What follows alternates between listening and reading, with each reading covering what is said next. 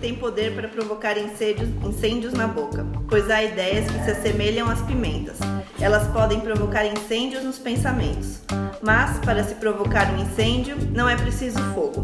Basta uma única brasa, um único pensamento. Rubem Alves. E aí a gente começa hoje com o cara da pimenta, o Pepper Your Mind, o Rafa.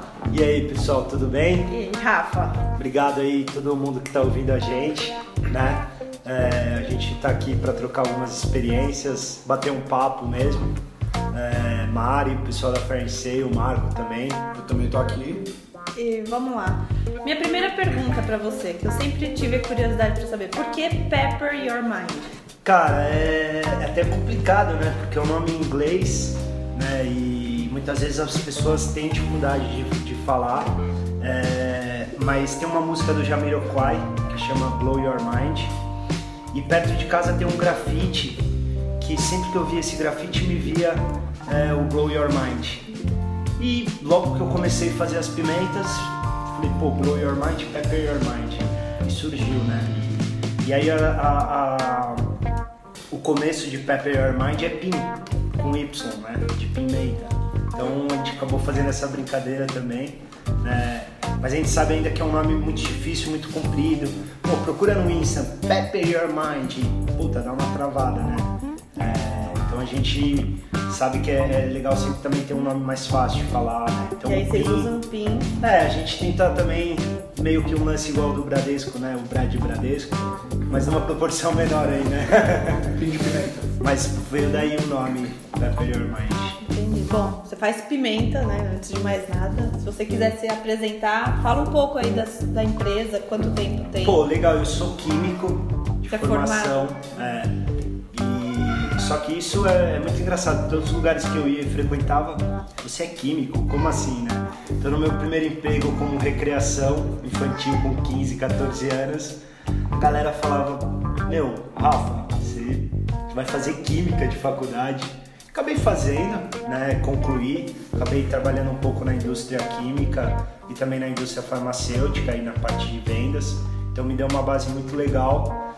E quando comecei as pimentas também nunca foi minha intenção empreender e nada mais, né? Foi, foi uma receita de uma tia minha que eu fiz, levei para um grupo de amigos. Que tia? Tem que falar o nome. A tia Célia, né? tia tia Célia. Ah, Cara, a tia é Célia é mó barato, né? Chegava na casa da minha tia e falava, pô tia, quero batata frita, ela fazia Com pimenta. com pimenta. E ela também fazia os molhos, né? E, e o dia que eu liguei pra ela, ela até falou: Ai, Rafa, eu usava duas cabeças de alho, mas o alho tá caro. Hoje você vai no mercado, na feira, chega a custar 50 reais o quilo, né? Então aumentou muito o preço. Então ela até. E aí, pô, eu fiz uma receita, levei pro, pros meus amigos. Minha irmã tinha filho pequeno, tem ainda, né? E usava muito aquelas papinhas da Nestlé. Peguei vários potinhos, levei pros meus amigos, aqueles encontros de semana que a gente fazia pra tomar cerveja e tal. E os caras, meu, tô passando no pão, você tá louco. Aí eu tenho um amigo meu, Rafael, também, é, publicitário, falou, cara, faz pra vender. Eu, você tá maluco. Ele é um amigo meu que a gente já se conhece há 15 anos e tal, e ele me jogou isso. Não, você tá louco. Como assim fazer pimenta pra vender? Pô, até que um dia um primo meu de Campo Grande estava aqui em São Paulo, a gente foi na 25, no centro, e eu comprei uns vídeos, falei, ah, vou fazer um, umas, vamos ver no que dá, né? E aí minha cunhada levou pro trabalho, minha esposa, o pessoal começou a gostar, pedir mais. Eu comecei a testar, né, novas receitas e tudo mais, até que chegou um momento que eu falei, opa, calma aí, tem uma oportunidade na mesa e, e aí a gente começou, mas isso tudo sozinho, né? Essa descoberta das pimentas. E você começou com qual pimenta? Qual foi a primeira, assim? Então, na fez? verdade, eu fiz com dedo de moça, que é o molho tradicional que a gente faz, né? E, e assim, né? Em toda essa trajetória eu também conheci muitas pessoas que me inspiraram, né? Uma delas é o Seu Santo. Para quem ainda não conhece é, o Mercadão Municipal de São Paulo, do lado tem o Mercado Municipal que é em que ele foi criado na mesma época, é, numa maneira de suprir a demanda do Mercadão, né? Como chama o mercado? chama Kinjo Yamato. Não sei quem foi ele, mas deduzo que seja um japonês, né? É, e, e lá tem o seu santo, e ele é um senhor de 84 anos que vende pimenta há mais de 40 anos em São Paulo. E durante muito tempo é, ele recebia todas as pimentas, né? Então ele era um dos únicos pessoas que comercializava pimenta. E esse cara com 84 anos, ele tem uma vida, uma, uma alegria de trabalhar com aquelas pimentas que, que era uma coisa muito maluca, assim, sabe? Que eu via aquele cara vendendo pimenta, tanto que visitando ele, e ele me ensinou muito, né? é, do processo de pimentas, de tipos diferentes. E, e, muitas vezes eu ficava lá e ele me chamava de filho, né, e tudo mais, e ficava vendendo pimenta com ele, né, brincando muito, né, porque a pimenta também é uma provocação, né, acho que tem, você provoca reações, né, no, através do consumo de pimenta, que mexe, né, com o nosso corpo. A primeira vez que eu experimentei a mais forte, que chama Carolina Reaper, eu falo que eu senti na ponta do meu dedão. É, você sente o corpo inteiro, é, todas as moléculas. e você já levou pimenta pra ele? Das que você faz? Já, já. E ele até, aprovou?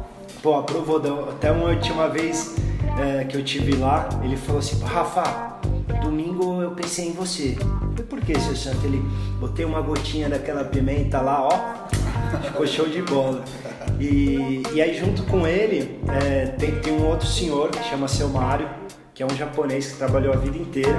E aí, pasmem, se aposentou, chegou em casa, a esposa mandou ele embora, né? Ficou dois meses aposentado, a esposa mandou ele trabalhar. Aí ele trabalha com o seu santo, né?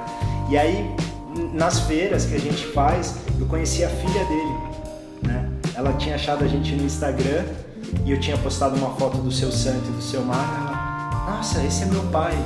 E aí, meu, é um mundo muito pequeno, né? E, e ela também comprou as pimentas, já comprou de novo, muito bacana. Então, a gente tá aí, né? Vendendo pimenta, quem sabe um dia chegamos a 43 anos aí vendendo pimenta. Com certeza, por que não, né? É, você vai ser o. como chama? Seu santo. Seu santo da vida é, de alguém. Seu, seu, seu santo. Alguém é, vai se basear em você pra empreender. É que na verdade assim, eu, eu vejo hoje o mercado de pimenta no Brasil oportunidade de desenvolver também pequenas comunidades, né? Porque hoje, apesar de ser um produto muito ligado à nossa cultura, principalmente no Nordeste, a gente não tem uma oferta né, muito boa de, de, produtos, né? Então eu também tenho, além de, da intenção das pimentas, eu tenho um projeto de, de, de abranger essas pequenas comunidades, né, para poder incrementar também o, o valor, né? Então trazer um pouco do nosso conhecimento de São Paulo de venda para essas pequenas comunidades que estão no, nos interiores aí do Brasil, né? Eu vejo que as pessoas assim, elas não sabem utilizar a pimenta, nem sabem saborear a pimenta, porque também às vezes não experimentam uma pimenta boa. Porque eu conheço as pessoas que colocam no, no alimento e come e fala, nossa, não, isso aqui é muito ardido, mas não é a quantidade que você tem que pôr. É, na verdade, assim, a, a, o consumo de pimenta também é algo muito novo. Sim. Apesar da gente consumir há mais de 8 mil anos, né? É, a gente tem resquícios de capsaicina, que é a molécula que causa a ardência da pimenta, é, vale no Peru, com mais de 8 mil anos, né? Como é uma molécula muito resistente, eles encontraram esses vestígios. Então eu falo assim, apesar de, de consumir há muito tempo, a gente ainda está engatinhando, né? Então hoje a gente apresenta muito a pimenta como fraca, forte e isso. E na verdade cada uma tem um sabor, né? Então eu falo muito que é parecido com vinho. Uma é mais frutada, cítrica, tem todas essas diferenças. Mas hoje a ciência ainda não consegue é, mensurar isso, né? Então ainda está desenvolvendo alguns métodos e, e aí a gente vê que muitas vezes a experiência também do consumo de pimenta não é legal, né? Cara, quando você come alguma coisa sem saber que tá, vai ser ardido, você fala, cara, nunca mais quero comer pimenta, né? Eu brinco muito que eu falo, é, quem, quem aí, vocês, já, vocês tomam vinho não? Sim, sim. Você toma? Não, não, não, só Mariana toma. Tem gente que fala, puta, eu odeio vinho, que é o meu caso. É lógico, a primeira vez que eu tomei vinho, sei lá, 15, 16 anos, aquele sangue de boar. você toma vinho e fala, cara, nunca mais vou tomar isso na vida, né? Horrível. É e a pimenta também tem isso, né? Então, às vezes, como você falou, Maria, às vezes a pessoa experimenta uma vez, é, pô, não gostei, mas é, é muito um, um, hábito, né? É, eu falo que está muito ligado à cultura. Então, meu, a gente em feiras já encontrei crianças que comem pimenta, porque os pais comem pimenta e não tem nenhum problema. Lógico que co- como qualquer outra substância, o excesso né, não, não- não é bom. Mas a gente é, vê que as pessoas estão se acostumando. Como você falou, muita gente nunca nem viu uma pimenta. Então nas feiras eu co- costumo levar as pimentas in natura, tem gente que olha e fala, isso é uma pimenta? Eu nunca tinha visto. Então isso mostra como a gente também está se distanciando das nossas raízes, né? É, entender que a pimenta é pra você sentir ardido, exatamente é pra você sentir o sabor dela. O sabor. É, a é que nem a questão... história do vinho. Você não toma o vinho pra ficar bêbado. É uma consequência. A- a- a Olha, pimenta- Marco, Não, concordo, não, Quando você tinha concordo, 15 é. anos, a intenção era essa. É, Você pega um sommelier, o cara toma um vinho pra, Pra apreciar. É a mesma coisa da pimenta. Você come uma pimenta, invariavelmente ela vai ser ardida e você tem que lidar com essa, Sim, com sim, essa sim. ardência dela. E o que eu vejo muito é as pessoas usarem a pimenta quase como um desafio. Cara, eu como Eu a pimenta que aguento. for, eu ponho no olho, eu esfrego na minha, É. na minha na, na. Cara, pimenta é pra ser gostoso É, só. mas você, é. falou disso para que eu aguente. Eles fizeram uma pesquisa, saiu um artigo na Inglaterra que eles fizeram uma pesquisa entre grupos de homens e mulheres. E as mulheres são motivadas a comer pimenta pelas novas descobertas. E o homem está muito associado à recompensa. Então tem a questão do machismo de falar, ah, eu aguento a pimenta mais forte, né? Isso é uma grande balela, porque em feira mesmo a gente vê mulher que come pimenta que você fala, cara, não, não tem nada a ver, né? Mas a gente ainda vê, infelizmente, as pessoas falam, "Ah, essa pimenta é pra macho. É, uma não vez eu vi um cara provando a sua pimenta mais forte e ficando vermelho. Acho que ele não era macho. É. Não, mas é isso, meu, teve uma vez que eu nunca vou esquecer. A gente tava numa feira e aí tinha uma expositora do lado e e aí passou o dia, chegou no fim do dia, eu falei, e aí amiga, você não. Eu vi você olhando as pimentas, você não você gosta de pimenta? Ela falou, meu, eu amo pimenta, por isso que eu nem cheguei perto. Porque eu não, sei lá, não podia comprar pimenta, não sei qual que era. E aí ela experimentou a mais forte. Pô, e geralmente a gente coloca uma gota bem pequena, né? Porque ela é- é Ela é forte. porreta. e, e aí ela colocou uma gotinha, ela, o olho dela brilhou. Falou, meu, põe mais. E aí eu coloquei uma quantidade que eu falei, cara. E ela falou, meu, que delícia. Você não, você não sabe o, o, o quão bom foi isso, sabe? E ela falou, meu, eu só imagino um pé de galinha da minha avó. Eu falei, cara, olha que coisa gostosa. Imagina né? o quê? Um pé de galinha. Um, um- um pé de Ah, galinha. eu imaginei o pé de galinha no rosto da avó. Sabe aquelas rugas? cara, jogando na cara da avó. Nossa, mano. mas- É, também tem isso, né? Não, sério. não gosto da minha avó jogar nela. E, e- você vê, né? E, e a- o alimento em si tem, tem esse papel também, né? De resgatar memórias e tudo mais, né? O sabor afetivo, né? E, e- e a gente encontra isso. Pô, cara, quando a gente pega a galera que consome pimenta forte, essas pimentas que eu trabalho são pimentas novas, que tem de 5 anos pra cá que chegaram no Brasil. Então não é todo mundo que conhece, né? Quais que são que você trabalha? É, tem a Carolina Reaper, Essa daí é a mais forte. é, ela é americana, foi desenvolvida no estado da Carolina do Sul. Depois vem a Trinidad Scorpion, que é de Trinidad e Tobago. E aí os habitantes da ilha, quando experimentaram, falaram que parecia a picada de um escorpião. Nossa, parecia mesmo quando eu provei. Você sente na lateral da Na língua. lateral né? da língua, É. exato. Nossa senhora. E, e aí a, a outra é a Butijoloca, que é uma indiana, que ela já foi considerada a mais forte do mundo, né? Se vocês quiserem dar uma pesquisada aí no Google, no YouTube, é, tem uma indiana que ela bateu o recorde mundial, não sei do que, né? Mas ela comeu 30 Butijolocas de uma vez. É louco. Você é louco! Cara, tem louco pra tudo, né? A gente não aconselha isso, né? A gente sabe É. que, que, que é algo perigoso, né? Até teve uma feira, isso daí é engraçado. Eu tava pensando nessa história. Um menino de 15 anos falou: Cara, eu quero essa pimenta mais forte. Eu vou levar pra escola e tal. E aí na época a gente, eu dei uma pimenta, ele fazia umas camisetas junto com a mãe dele pra uma ONG. E, e aí a gente acabou trocando. E eu nunca mais encontrei ele. Passaram um ano, dois anos, encontrei ele e falei, e aí, cara? Ele, meu, quase fui expulso da escola. cara, porque ele, meu, eu levei a pimenta, eu dei pra todo mundo.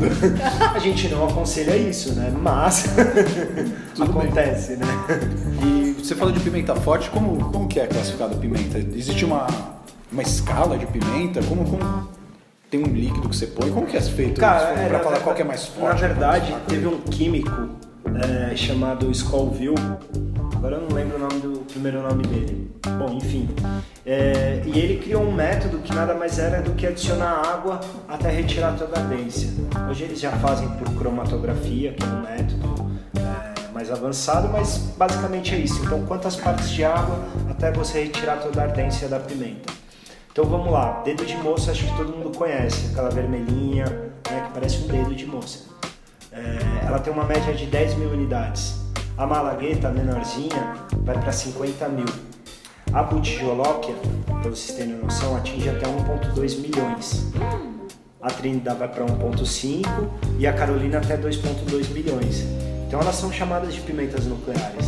E aí você pergunta, quem que come isso, né? Mas pimenta não é usado para fazer o gás de pimenta?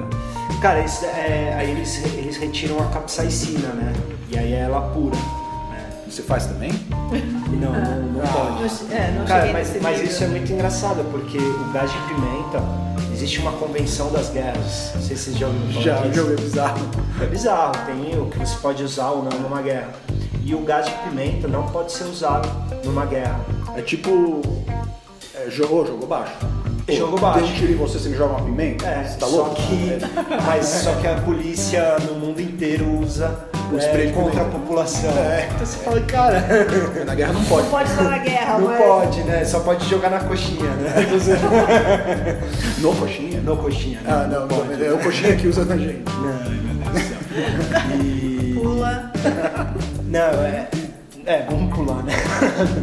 Bom, mas eu- percebi que assim, as pessoas que a gente comprou muito já, né? Aham. Já deu de presente para muitas pessoas. E as pessoas quando comem, elas estão saboreando exatamente aquilo que você estava falando. Então a gente tá vendo que as pessoas estão aprendendo a experimentar pimenta, experimentar novos temperos. Então eu acho que esse trabalho de unir pequenos produtores em, em feiras, em eventos, tá fazendo com que as pessoas conheçam outros produtos que antigamente não, não Sim, tinham sim. acesso ou nem sabiam o que, que era. Até porque nas feiras a gente tem a oportunidade de provar, É. né? Eu acho que o mais legal disso tudo, que acaba sendo uma, eu falo uma contracultura, que a gente está fugindo dos, das grandes empresas, né? Então a gente está pegando pequenos produtores, pequenas ideias, né? pequenos negócios, né? e incrementando isso, né? E por trás de, de todo pequeno negócio é, existe um sonho, né? Caso não tenha um sonho, não tenha um negócio, né? É, isso você tem que entender todo, toda a importância, né? De, de, de ter algo maior, né? Então, quando você traz essa esse movimento de sair do, do grande produtor, eu falo, cara, a gente comprava o da, sei lá, Unilever, Procter, isso daí são os grandes empresários que mandam no mundo e, de certa maneira, mantêm as coisas do jeito que elas são. Né? Então, quando a gente sai disso e começa a criar um movimento, e eu acho que a gente em São Paulo, especialmente, a gente tem um papel muito importante, né? É, eu lembro, teve um, até foi com o pessoal da Fair Sale, que a gente teve um, um Fair Sale Talk, que foi ao vivo, com o Policy Neto. E ele falou que nos anos 60, 70, né, as pessoas vinham para São Paulo e os hotéis perguntavam: vocês vão querer participar da Feira da República? Vocês querem visitar a Feira da República? Que era uma feira muito tradicional, que reunia pequenos produtores, artesãos. Né? Então acho que a gente está num movimento de, de resgatar esses valores, né? E, e isso é muito bacana, né? Porque no momento que a gente está na rua, a gente acaba inspirando também as outras pessoas, né? É, quando comparam sua pimenta com tabasco, você fica feliz ou fica triste?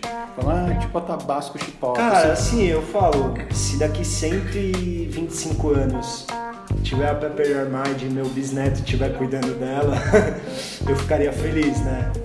Mas Lógico você- que não tenho essa Mas acho que ela te pretensão. ajudou. O tabasco ajuda a pessoa a conhecer pimenta. Cara, na verdade, assim, pra quem consome muita pimenta, tem uma fase da vida que você só come tabasco, né? Você tem puta, um molho diferente e de repente você não sente mais.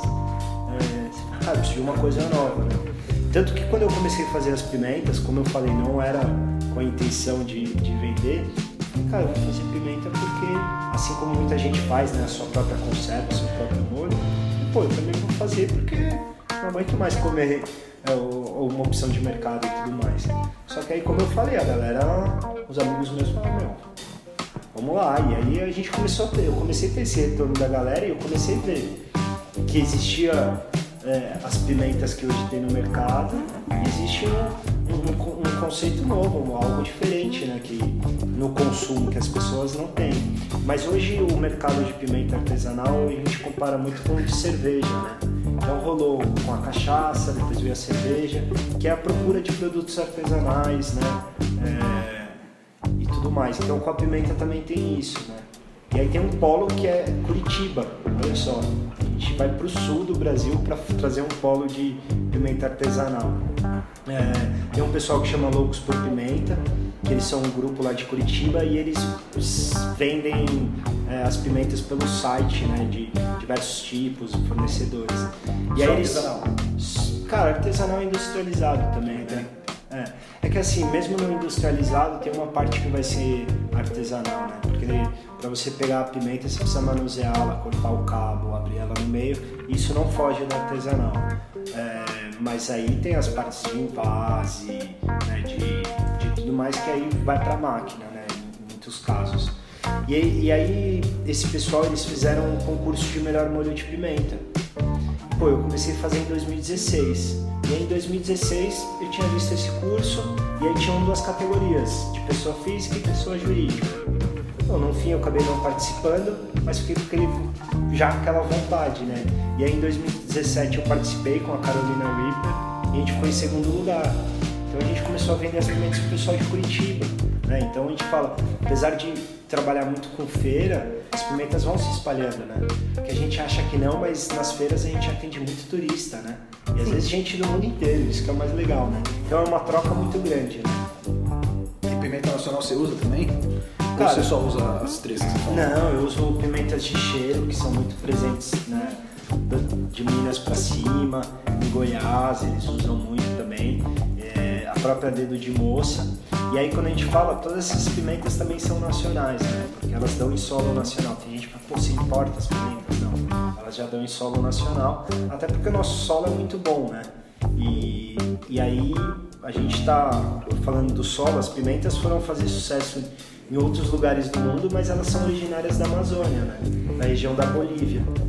Isso que é e aí ela foi para a Mesoamérica, né, para os maias e tudo mais. Não se sabe, não se sabe dizer hoje a história como que elas tiveram essa migração, né? Mas para cruzar o, o que é, não é Alpes, é Alpes é na Suíça. Os Andes. Cordilheiras dos Andes. Olha, Alpes, né? Tudo a ver. tá pensando grande. Pensando grande, né? Não, é a cordilheira. Qual que é o mais alto? Monte Everest. Do Himalaia também. Himalaia, tem, tem, tem.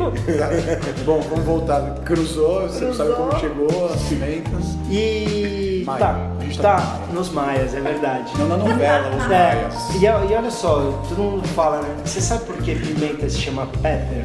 Né? Todo mundo acha que a pimenta do reino é pimenta, né? Na verdade é uma outra espécie. Mas quando o Colombo chegou nas Américas, deram pimenta para ele experimentar ele lembrou da piperina, que é o princípio ativo da pimenta preta, né? Pimenta do reino. Então ele falou piperina, pilardência, né? E aí o nome se transformou em pepper, né? E pimenta do latim. Que já tinha pimenta do reino. já, já tinha, já era uma especiaria muito usada. E aí, meu, isso daí foi pra Ásia, foi, é, chegou na China.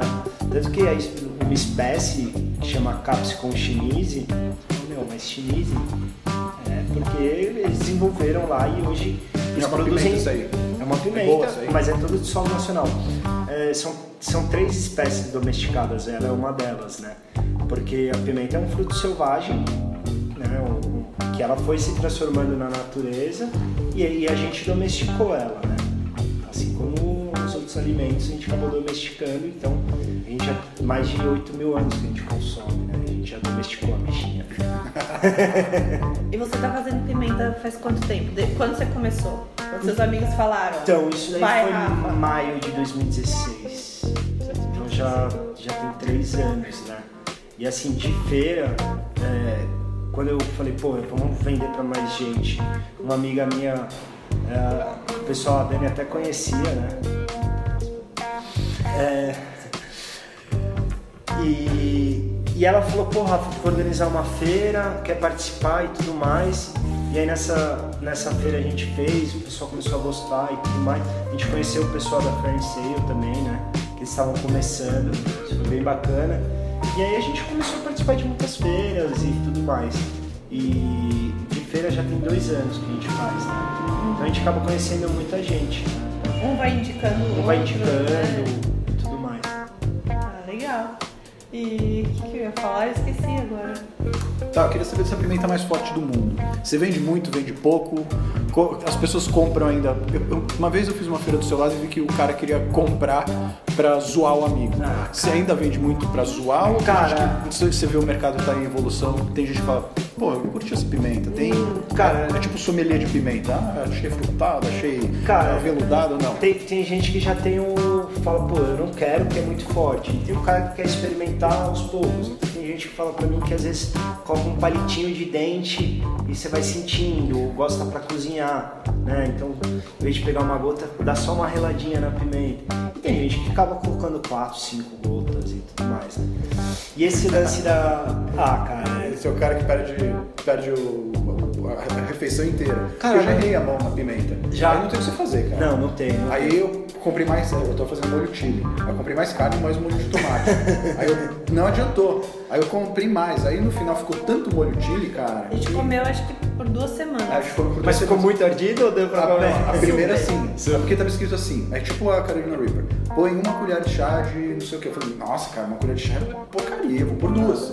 Só que na verdade duas é o dobro do que eu teria posto. Só que quando a gente fala, ah, mas é só uma colher de chá, eu É. não parei pra pensar que ia dobrar. Aí, puta, ficou puxado.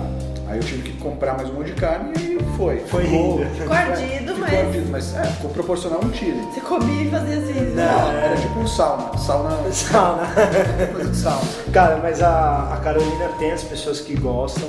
Muito- muitas vezes as pessoas levam pra presente.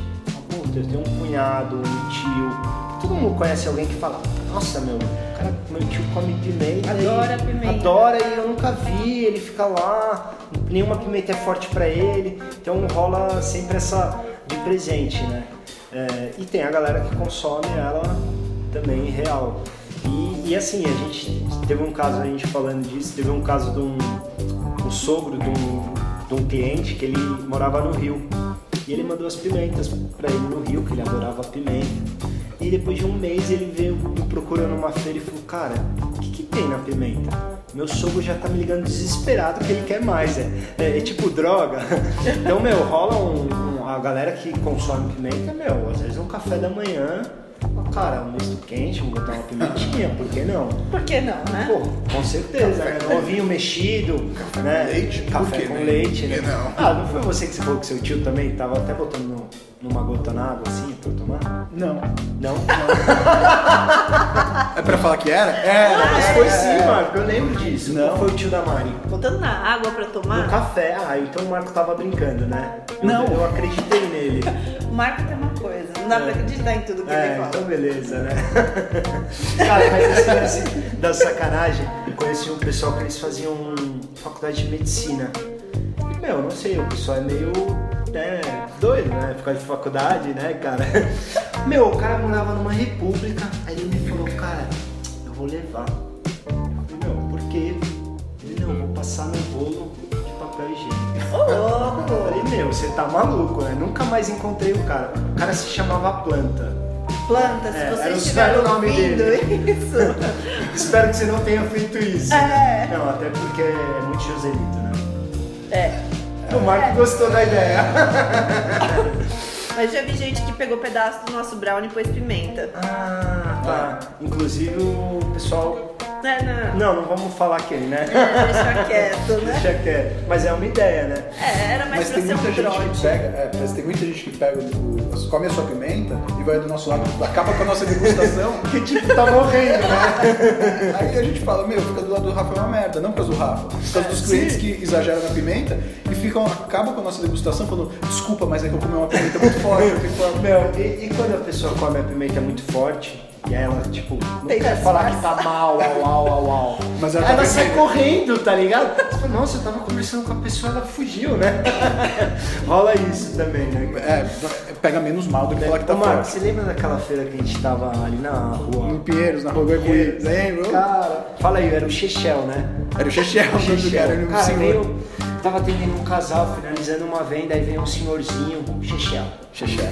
Chechel. Tá ouvindo, Chechel? Se tiver ouvindo, Chechel. manda um abraço Cara, pro ele planta. pegou e falou assim, "Ah, você tem pimenta forte? E, meu, a gente falou, cara, a gente tem a pimenta mais forte do mundo. É, e eu só E galera- e o Rafa atendendo ali, finalizando a venda, passando o cartão. E quando você fala, ah, é a pimenta mais forte do mundo, eu digo que é ela, ela é a base do fruto, não que o meu molho seja o mais forte do mundo. Então quando a pessoa fala isso, é meio tipo, ah, charlatão, né? Pimenta mais forte, o cara não bota muita fé. Tava terminando de atender um casal, ele pegou e foi experimentar. Sem a Só- sua supervisão. Sem a minha supervisão. Sem supervisão de um adulto. Tinha uma dúvida. E aí, meu, eu nem vi, cara. De repente eu olhei pra ele e tava assim. Você não viu, mas eu vi a quantidade de pimenta que o ele Marco viu. Ele ficou mal, au, au, au, au, assim, meio tipo, meu, acabei de voltar do México. Nunca tinha uma pimenta tão forte.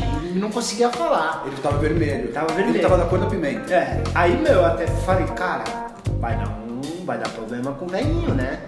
Aí o Marco pegou, ele, ele foi embora, ele comprou uma pimenta, ele levou. E aí ele falou, só tô levando a pimenta porque eu ganhei no bingo ontem.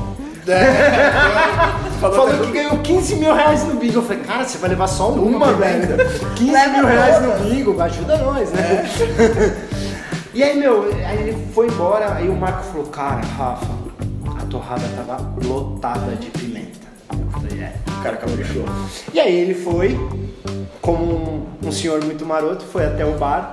A gente estava perto do Largo da Batata. E lá é uma região que tem muito nordestino, né? É, E aí, meu, chegou dois caras, chegou um cara. Ih, o Chechel veio aqui? ah, ele falou que o Chechel, meu, todo mundo é Chechel, acho que é um apelido entre eles, né? Chechel, Chechel. Meu, o cara já levou uma pimenta, aí depois veio outro cara nordestino, chapéuzinho. Outro. Chechel. Outro Chechel. Meu, os caras comiam É o. Chechel do chapéu, esse. É o chechel do chapéu. então, meu, tem muito isso, né? De você pegar a pimenta e também fazer uma roda de degustação como a gente vai fazer aqui, né? De experimentar e, Vai ter e tudo mais. Ah, a gente podia, né, Marco? Mas só trouxe uma. É, a mais forte. Então você não quer que a gente coma muito? A gente só quer ficar mal, né? Qual que é essa daí? É a Carolina, Carolina Reaper. Reaper. Ó, que bonita. Ó, essa daqui é nossa, é minha. Vai ter um sorteio. Com certeza, vamos fazer um sorteio. Não, Pode meu, mas... foto. Vai pro Instagram. O- Mas é. A gente tem vários casos engraçados, né? Na- nas feiras em si. É, Cara, tem gente que às vezes fala, não, eu gosto de pimenta forte. Fala, pô, então vamos começar com essa mais suave, com a tradicional, de dedo de moça. Você coloca uma gotinha, a pessoa já fica, ai meu Deus, que pimenta ardida. Você fala, cara, É porque vai- tá acostumado com molho de pimenta, então, né? é. Não, e, e aí é isso. Existem dois tipos de pessoas: pessoas que estão habituadas a comer pimenta e as pessoas que não estão. Então tem uma sensibilidade também, né? Muitas vezes a- e o seu ponto de referência, ah, eu gosto de pimenta forte. Você comeu aquela pimenta que é forte pra você, aquilo é forte. Né? Mas existem pessoas mais fortes, né, Marcos? Eu não sei. Não sei. Mas você, além de molho de pimenta, você faz mais alguma outra coisa com pimenta? Você faz. Cara, eu faço uma geleia também, de Ah, de geleia. moça. É. Boa. Cara, a geleia é muito legal porque assim, é, eu faço ela bem suave de ardência. E aí eu tiro a parte interna das sementes, da, da- do fruto.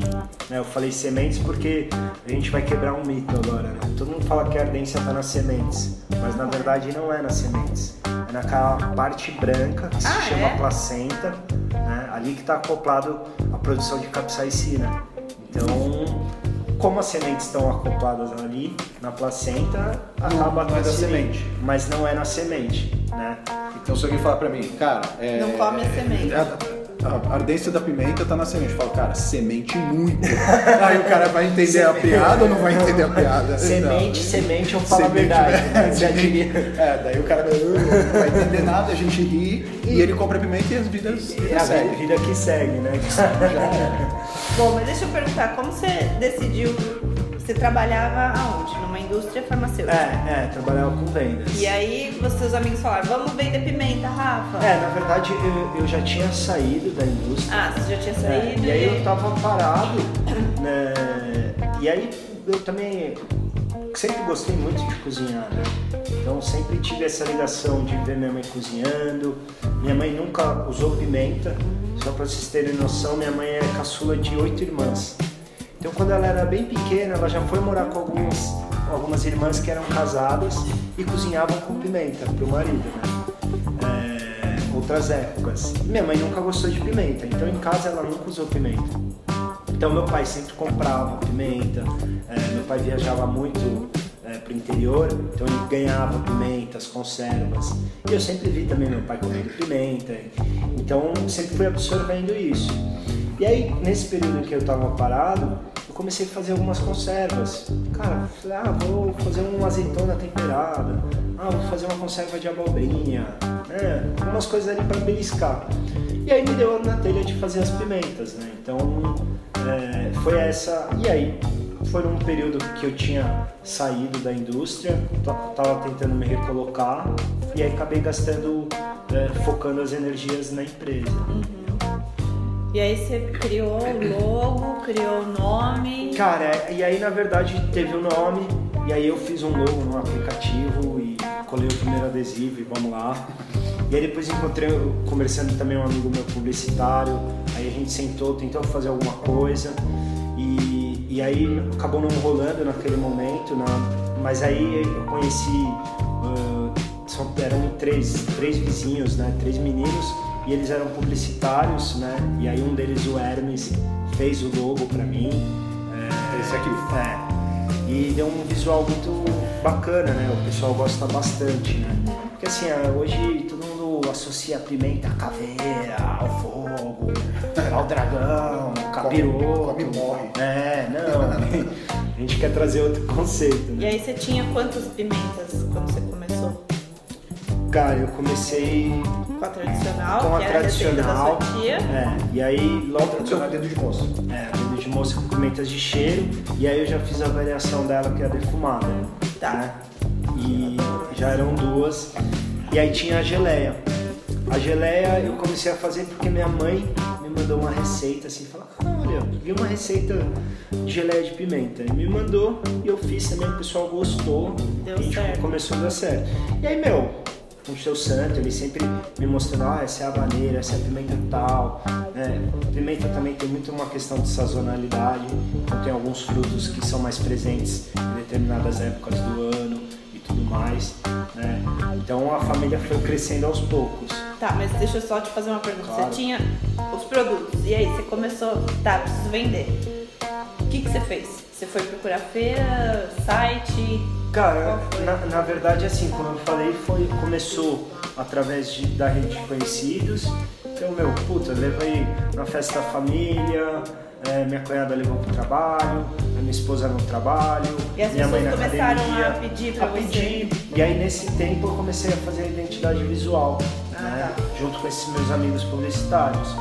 E aí foi nesse momento que começou a surgir as oportunidades com feiras. Aí foi né? que você entrou nas É, feiras. Porque hoje a gente vê, ah, não, a feira tal, a feira tal.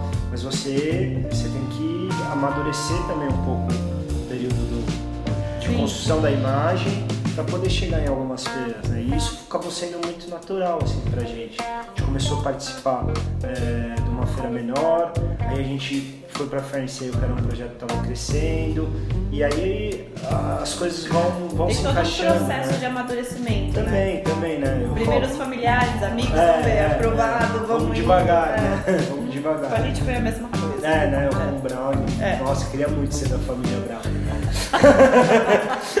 Fala aí, Marco. É, a gente começou a fazer o brownie pra ser aceito na nossa família. a gente é ovelha negra, cara. Daí a gente começou a fazer brownie e todo mundo começou a chamar de volta a gente pros natais.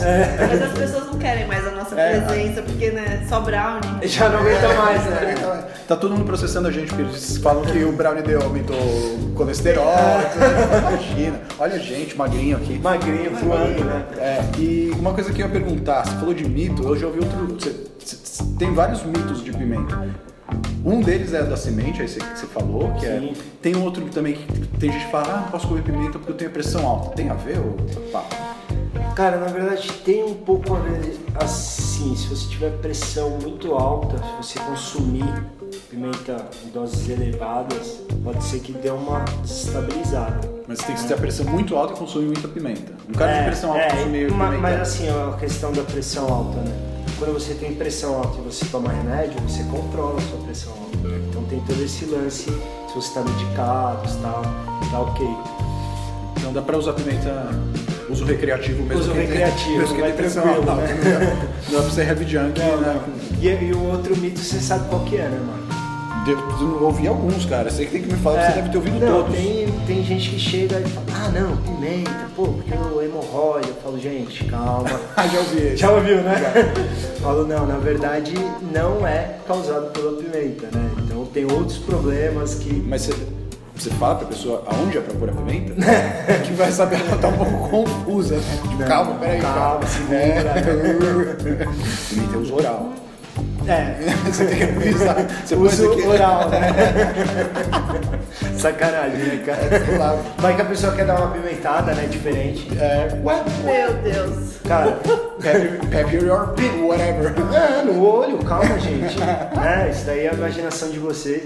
Falando no olho, teve uma noite, olha só, hein? A gente tava falando Calma. olho. Olho, é.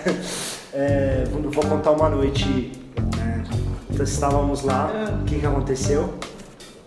Estávamos Eu estava- nós estávamos quem? Tava eu. Não. Era eu mesmo. Eu Cara, eu tava dormindo, super tranquilão, né? Você tá dormindo de boa, aquela hora boa. Eu acordei, o meu olho ardia, queimava de pimenta. O que, que tinha acontecido? Eu cortei pimenta o dia inteiro. Não lavou as luva, mãos. Ah. Lavei as mãos, tomei banho, fiz tudo. Mas a pimentinha ficou aí no dedo. No meio da madrugada eu só dei aquela coçadinha no olho. E cara, pra quem ainda não passou pimenta no olho, tenham cuidado, é muito perigoso. viu?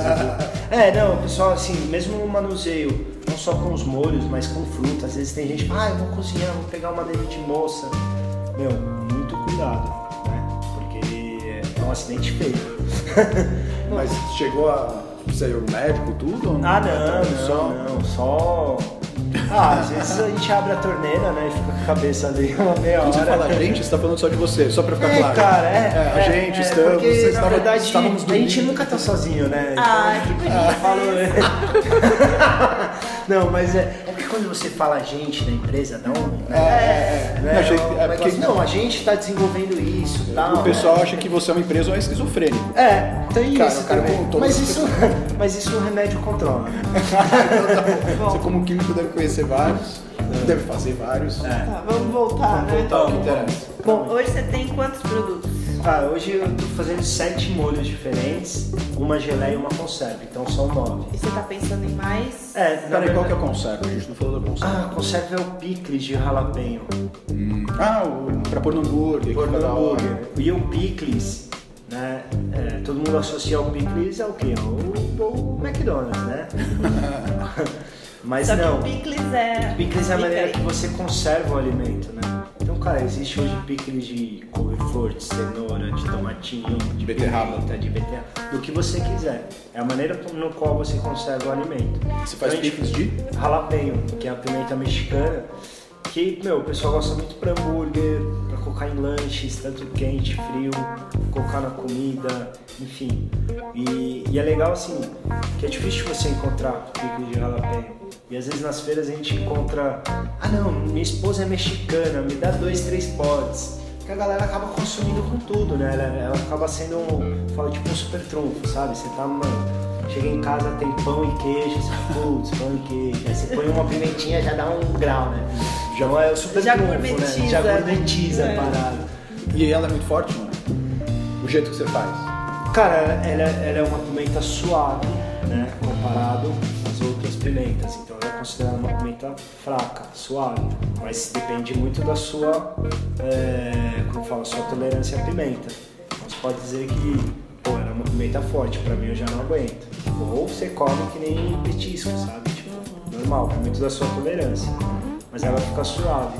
Dá pra até pôr a pimenta no, no próprio picles, então se tiver fraco. É, vai pra dar pôr um pimenta. talentinho, né, É, cara? Se pimenta tá fraca, vou pôr pimenta na pimenta. Então, aí você tá pensando em outras É, pimentas? então, na, na verdade, assim, tem algumas pimentas é, que são originárias de alguns países que a gente tem a intenção de, de trabalhar com elas, mas a gente ainda está desenvolvendo, a gente tem a intenção também de, de, de trazer algumas pimentas orgânicas, né?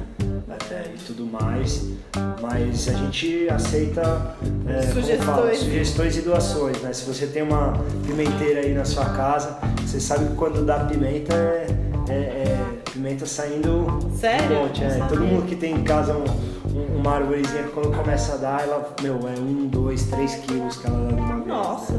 Então, quem tiver aí, aceitamos doações, tá? Caramba, massa. Não sabia disso, não. Pensei que É o fosse. coelho dos vegetais. Reproduz enlouquecidamente.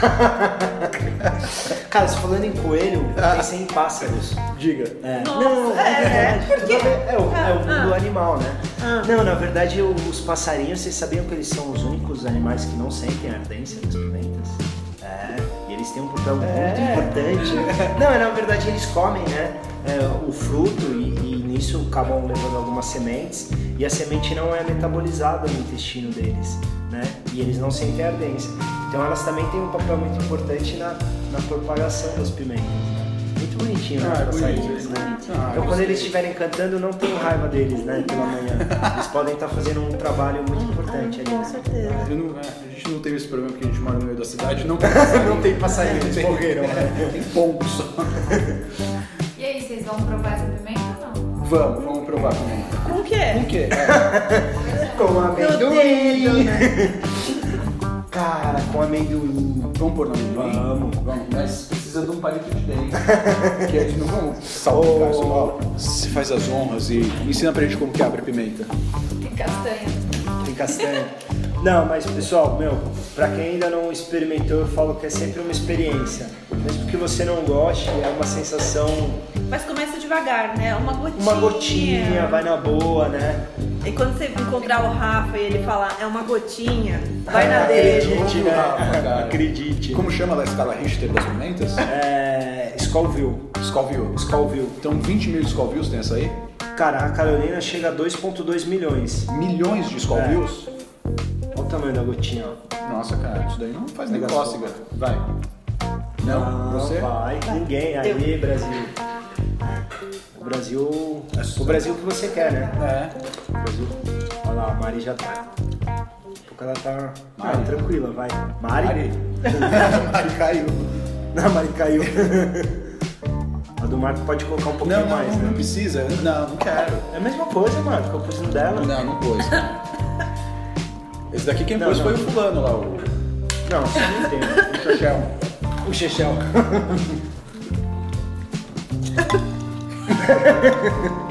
a Mari tá comendo todas amendoins da Ah, história. Não, ela, ela é forte, Ah, mas não é tanto.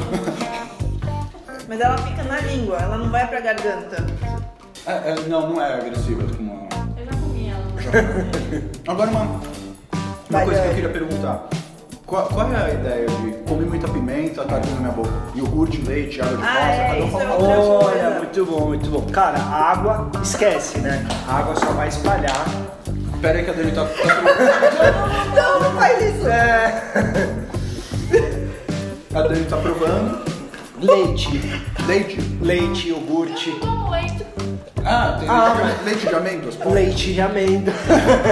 É porque pra quem é vegano tem que. É, com certeza, né? E aí, Cara, Dani? mas pode ficar tranquilo que é 5, 10 minutinhos tá, tá tranquilo já, né? Não, não achei tão agressiva, achei gostosa.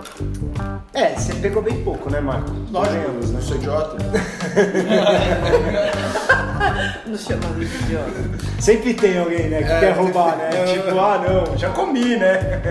E, não, mas qual é? Leite, iogurte também? Cara, leite e iogurte são, Por quê? além de serem bem gordurosos, eles são ricos em caseína. É, e a caseína quebra a molécula da Ah, capsaicina. porque uma vez eu comi num restaurante indiano e eu pus muita pimenta. E aí os caras falaram, trouxeram iogurte com água de rosas. Olha, Cara, anulou total. total. Parece que eu o tava. que que é água de rosas? É um negócio que tem muito no. Rosas. Não, não, não tem muito na rosa. É muito tradicional de culinária indiana, turca. Mas é uma bastante. água É uma água. de rosas. Chama água de rosas. Não, não. Mas é tipo uma água. É, de mas, rosas. Mas vem rosas dentro? né? Não, é, é- é água de rosa. Tipo água de coco não vem um coco. Ah, tá, beleza. Não, entendi. Veio só a água, né? Pode crer, faz sentido. Tá, entendeu? Legal. Aí o cara deu pra mim, parecia que eu tava tomando um travesseiro, sabe? Abeludura. Isso, é, a sensação foi essa, parecia que eu tava tomando um travesseiro, cara. Foi gostosinho. Gostosinho, na boa. Anulou o total. travesseiro, né? Não, e anulou total. Eu queria saber se já tinha ouvido dessa da, da água de rosa com iogurte. Não, cara, Pô. não. Então vou cara. pesquisar sobre água de rosa. Não sei se era só pra ficar gostosinho ou se. Porque eu tava Se faz sentido, né? É, gourmetizada. Iogurte, como serve iogurte aqui no meu restaurante? Iogurte com água de rosa. Água de rosa? Com rosas. É. Mas você fala. Você fala de ardência, tem um. Tem um Edinho, que é um fotógrafo que faz umas fotos pra mim, ele é lá de Araçariguama. E ele falou que tem um amigo dele, sei lá, americano, né, cara? Falou que ele ensinou uma nova brincadeira. Você vai tomar tequila, e eles fazem muito lá no- nos Estados Unidos, enfim, e coloca uma gota de Carolina. Olha só. Ah, é uma loucura, né? Eu nunca testei isso, né? Também não aconselho, porque deve ser loucão, né? Aproveita, pega a tequila. Pega a tequila. Ai, gente, agora é a hora da tequila. Não, brincadeira, não vamos tomar tequila ainda. Tá, vamos. vamos, Já tá que horas são? Sexta-feira, 5 para 5. 5 para 5? Ah, já, já acho que já É, vamos finalizar a partir das 5 horas. Vai ter a gente. Vamos, é, vamos comprar tequila então é, pra provar? Vai ter o happy hour. esse. Tá. É, então, acho que bora, né? Já tem mais alguma coisa pra falar do pimenta? Porque deu fome, agora deu vontade de comer. É verdade, Porque né? a gente abriu a pimenta. pimenta, abriu o apetite. Abriu a né, cara? pimenta. Bom, eu tenho uma última pergunta. Ah, boa, mãe. Obrigado. Já queria finalizar, né? Onde você quer chegar com as pimentas? Qual que é seu objetivo? Cara, a gente não pode falar que é pagar os boletos, né? não, brincadeira. Meu, hoje na verdade é, eu tenho a intenção de consolidar, é, aprender mais né, com, com as pimentas. Eu tenho a intenção de voltar a estudar química né, e, e usar a capsaicina aí para alguns estudos. E também trazer essa experiência que eu tenho hoje de vendas e do produto final, como eu falei, para pequenas comunidades. Né? Então essas são as minhas intenções né, para daqui 5, 10 anos com as pimentas, poder ampliar o projeto e, e, e ajudar mais pessoas né, de alguma maneira. Né? Poder conectar mais pessoas ao consumo de pimenta. Né? Boa, Então é isso aí. Gostei. Ah, foi muito bom, cara. Você deu uma pimentada aqui na nossa vida. Foi. Cara, eu nem senti, pra falar a verdade. Vamos Estava gotinha? tenso, né? Hã? Estava tenso. né? Eu tava ou tô? Não, fiquei Tava, tenso. você tava tenso. No começo. Não, não. E aí, vocês estão melhor agora? Vai estar mais tranquilo, né? Vocês estão, tensos ainda. ainda? Vocês estão aí? Tem que falar no plural. No É, plural. não, a gente ainda tá um pouco nervoso. então tá. Mas não é, cara. Pô, a pessoa fala assim, ah, não, pô, eu queria ver. Tá, não, já, a gente já vai dar uma resposta. Tem todo um departamento, né? Tem. Em cada momento você é um- assume um departamento, né? Então, Tem o Rafa do, fi- do, do financeiro. Não, quem que é do financeiro? O Rafael Stern. Pô, do financeiro eu tô sem ninguém. tá, meu, tá meio zoado, tô brincando. Não fale isso. Não fala isso com o financeiro, minha irmã briga comigo, né, gente? É, né? É, minha irmã finanças na veia. Bom, mas é isso. Boa. Então tá. Obrigado, viu, gente? Espero que vocês Obrigada. tenham gostado do nosso bate-papo. É, compartilha aí com todo mundo, né? É, pois é, pois é. É isso. Boa, muito, É muito isso. bacana. Pimentas, é isso. Agora a gente vai Comer mais pimenta. comer mais um pouquinho de pimenta, que é o que nos resta. Segue o Rafa lá no Instagram. Ah, é, verdade. passa o seu, passa o seu Instagram, cara. É, então. é. Arroba Pepper Your Mind. Isso, tudo junto. Botar Pepper com dois P's e Y no final já vai aparecer lá. Pepper. Your Mind. Mind. Tá. É isso aí. Dois P's, Y, bora. Bora. Bora.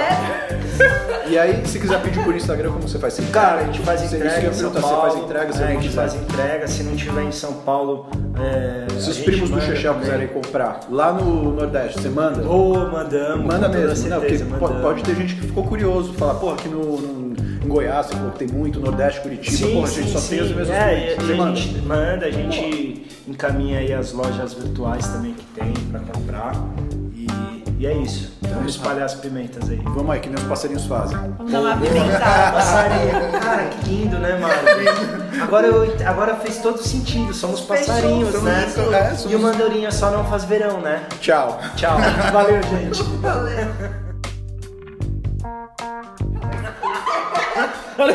Olha que eu meti a vez, né, pro Marco.